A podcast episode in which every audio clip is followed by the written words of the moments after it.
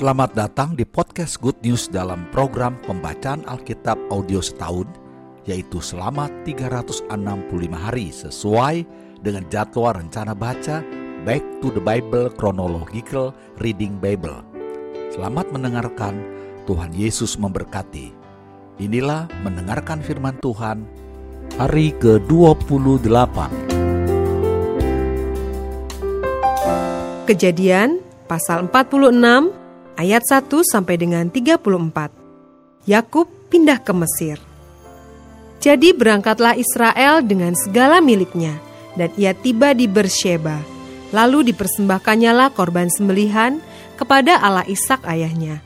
Berfirmanlah Allah kepada Israel dalam penglihatan pada waktu malam.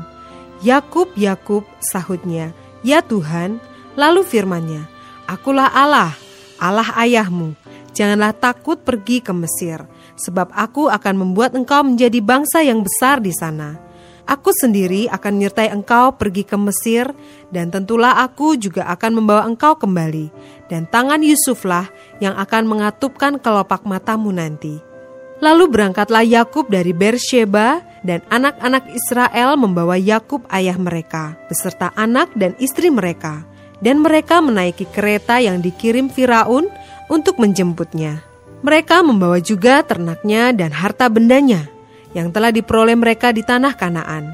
Lalu tibalah mereka di Mesir, yakni Yakub dan seluruh keturunannya bersama-sama dengan dia. Anak-anak dan cucu-cucunya, laki-laki dan perempuan, seluruh keturunannya dibawanyalah ke Mesir. Inilah nama-nama Bani Israel yang datang ke Mesir, yakni Yakub beserta keturunannya, Anak sulung Yakub ialah Ruben. Anak-anak Ruben ialah Henoh, Palu, Hezron, dan Karmi.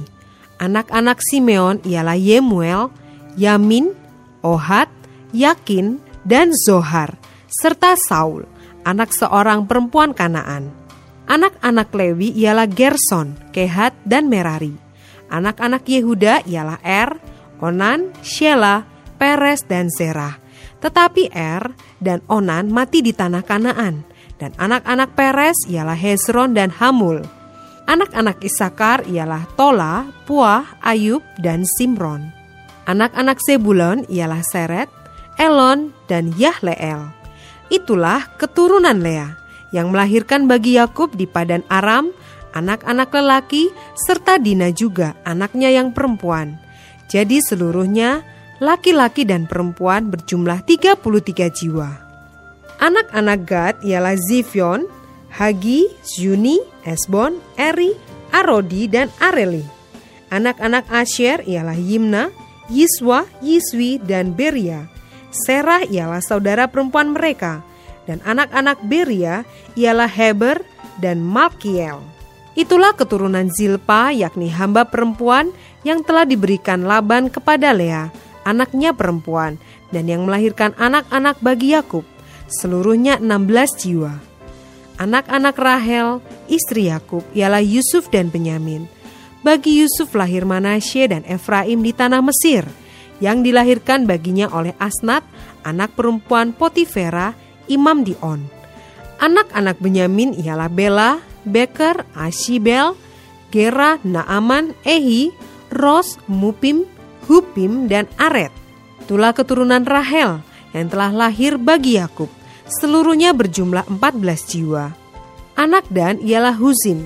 Anak-anak Naftali ialah Yahzeel, Guni, Yeser, dan Shilem. Itulah keturunan Bilha, yakni hamba perempuan yang diberikan Laban kepada Rahel, anaknya yang perempuan dan yang melahirkan anak-anak itu bagi Yakub. Seluruhnya berjumlah tujuh jiwa.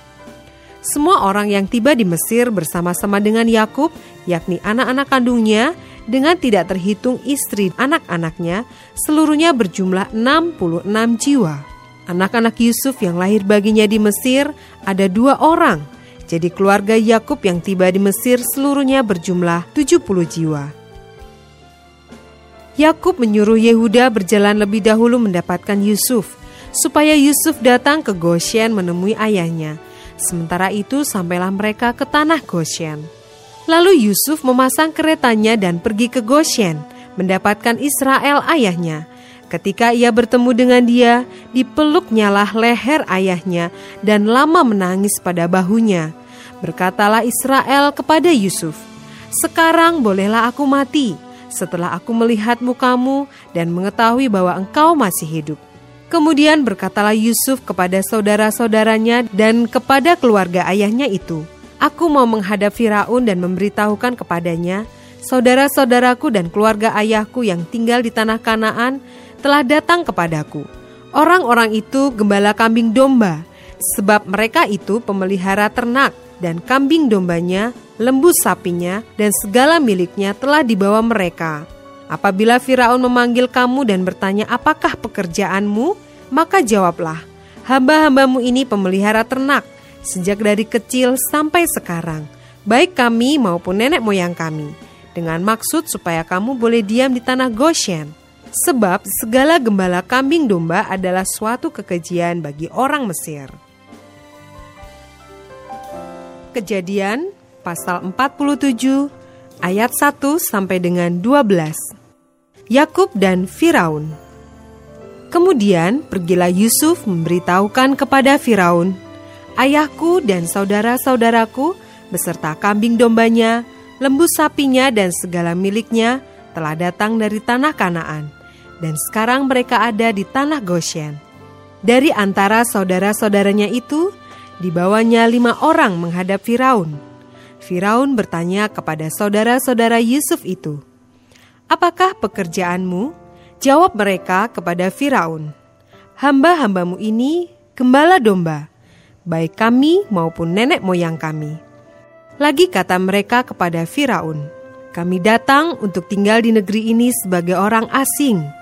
sebab tidak ada lagi padang rumput untuk kumpulan ternak hamba-hambamu ini. Karena hebat kelaparan itu di tanah Kanaan, maka sekarang izinkanlah hamba-hambamu ini menetap di tanah Goshen. Lalu berkatalah Firaun kepada Yusuf, Ayahmu dan saudara-saudaramu telah datang kepadamu. Tanah Mesir ini terbuka untukmu. Tunjukkanlah kepada ayahmu dan kepada saudara-saudaramu tempat menetap di tempat yang terbaik dari negeri ini. Biarlah mereka diam di tanah Goshen. Dan jika engkau tahu di antara mereka orang-orang yang tangkas, tempatkanlah mereka menjadi pengawas ternakku. Yusuf membawa juga Yakub ayahnya menghadap Firaun. Lalu Yakub memohonkan berkat bagi Firaun. Kemudian bertanyalah Firaun kepada Yakub, "Sudah berapa tahun umurmu?" Jawab Yakub kepada Firaun, "Tahun-tahun pengembaraanku sebagai orang asing berjumlah 130 tahun. Tahun-tahun hidupku itu sedikit saja dan buruk adanya, tidak mencapai umur nenek moyangku, yakni jumlah tahun mereka mengembara sebagai orang asing." Lalu Yakub memohonkan berkat bagi Firaun. Sesudah itu keluarlah ia dari depan Firaun. Yusuf menunjukkan kepada ayahnya dan saudara-saudaranya tempat untuk menetap dan memberikan kepada mereka tanah milik di tanah Mesir, di tempat yang terbaik di negeri itu, di tanah Rameses, seperti yang diperintahkan Firaun. Dan Yusuf memelihara ayahnya, saudara-saudaranya, dan seisi rumah ayahnya dengan makanan menurut jumlah anak-anak mereka. ayat 13 sampai dengan 26. Tindakan Yusuf. Di seluruh negeri itu tidak ada makanan sebab kelaparan itu sangat hebat sehingga seisi tanah Mesir dan tanah Kanaan lemah lesu karena kelaparan itu. Maka Yusuf mengumpulkan segala uang yang terdapat di tanah Mesir dan di tanah Kanaan, yakni uang pembayar gandum yang dibeli mereka dan Yusuf membawa uang itu ke dalam istana Firaun. Setelah habis uang di tanah Mesir dan di tanah Kanaan, datanglah semua orang Mesir menghadap Yusuf serta berkata, "Berilah makanan kepada kami. Mengapa kami harus mati di depanmu? Sebab tidak ada lagi uang." Jawab Yusuf, "Jika tidak ada lagi uang, berilah ternakmu, maka aku akan memberi makanan kepadamu sebagai ganti ternakmu itu." Lalu mereka membawa ternaknya kepada Yusuf, dan Yusuf memberi makanan kepada mereka ganti kuda, kumpulan kambing domba, dan kumpulan lembu sapi dan keledainya. Jadi disediakannya lah bagi mereka makanan ganti segala ternaknya pada tahun itu. Setelah lewat tahun itu, datanglah mereka kepadanya pada tahun yang kedua, serta berkata kepadanya, "Tidak usah kami sembunyikan kepada tuanku bahwa setelah uang kami habis dan setelah kumpulan ternak kami menjadi milik tuanku, tidaklah ada lagi yang tinggal yang dapat kami serahkan kepada tuanku selain badan kami dan tanah kami." Mengapa kami harus mati di depanmu? Baik kami maupun tanah kami, berilah kami dan tanah kami sebagai ganti makanan. Maka kami dengan tanah kami akan menjadi hamba kepada Firaun. Berikanlah benih supaya kami hidup dan jangan mati, dan supaya tanah itu jangan menjadi tandus. Lalu Yusuf membeli segala tanah orang Mesir untuk Firaun, sebab orang Mesir itu masing-masing menjual ladangnya karena berat kelaparan itu menimpa mereka. Demikianlah negeri itu menjadi milik Firaun, dan tentang rakyat itu diperhambakannya mereka di daerah Mesir dari ujung yang satu sampai ujung yang lain. Hanya tanah para imam tidak dibelinya, sebab para imam mendapat tunjangan tetap dari Firaun, dan mereka hidup dari tunjangan itu. Itulah sebabnya mereka tidak menjual tanahnya. Berkatalah Yusuf kepada rakyat itu, "Pada hari ini aku telah membeli kamu dan tanahmu untuk Firaun. Inilah benih bagimu, supaya kamu dapat menabur di tanah itu. Mengenai hasilnya, kamu harus berikan seperlima bagian kepada Firaun, dan yang empat bagian lagi itulah menjadi benih untuk ladangmu dan menjadi makanan kamu dan mereka yang ada di rumahmu, dan menjadi makanan anak-anakmu." Lalu berkatalah mereka, Engkau telah memelihara hidup kami, asal kiranya kami mendapat kasih Tuanku, biarlah kami menjadi hamba kepada Firaun. Yusuf membuat hal itu menjadi suatu ketetapan mengenai tanah di Mesir sampai sekarang, yakni bahwa seperlima dari hasilnya menjadi milik Firaun. Hanya tanah para imam tidak menjadi milik Firaun. ayat 27 sampai dengan 31. Yakub pada akhir hidupnya. Maka diamlah Israel di tanah Mesir, di tanah Goshen, dan mereka menjadi penduduk di situ. Mereka beranak cucu dan sangat bertambah banyak, dan Yakub masih hidup 17 tahun di tanah Mesir. Maka umur Yakub, yakni tahun-tahun hidupnya, menjadi 147 tahun.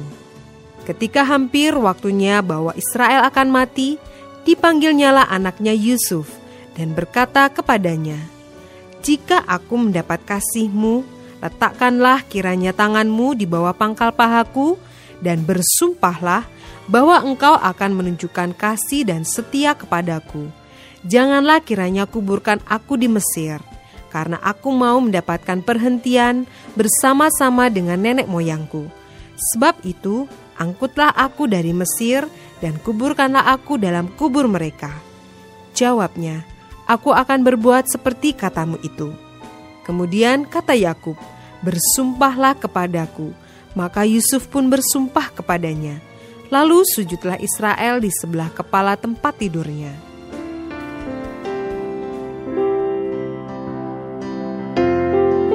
Selamat saudara sudah mendengarkan firman Tuhan hari ini. Sampai jumpa esok hari.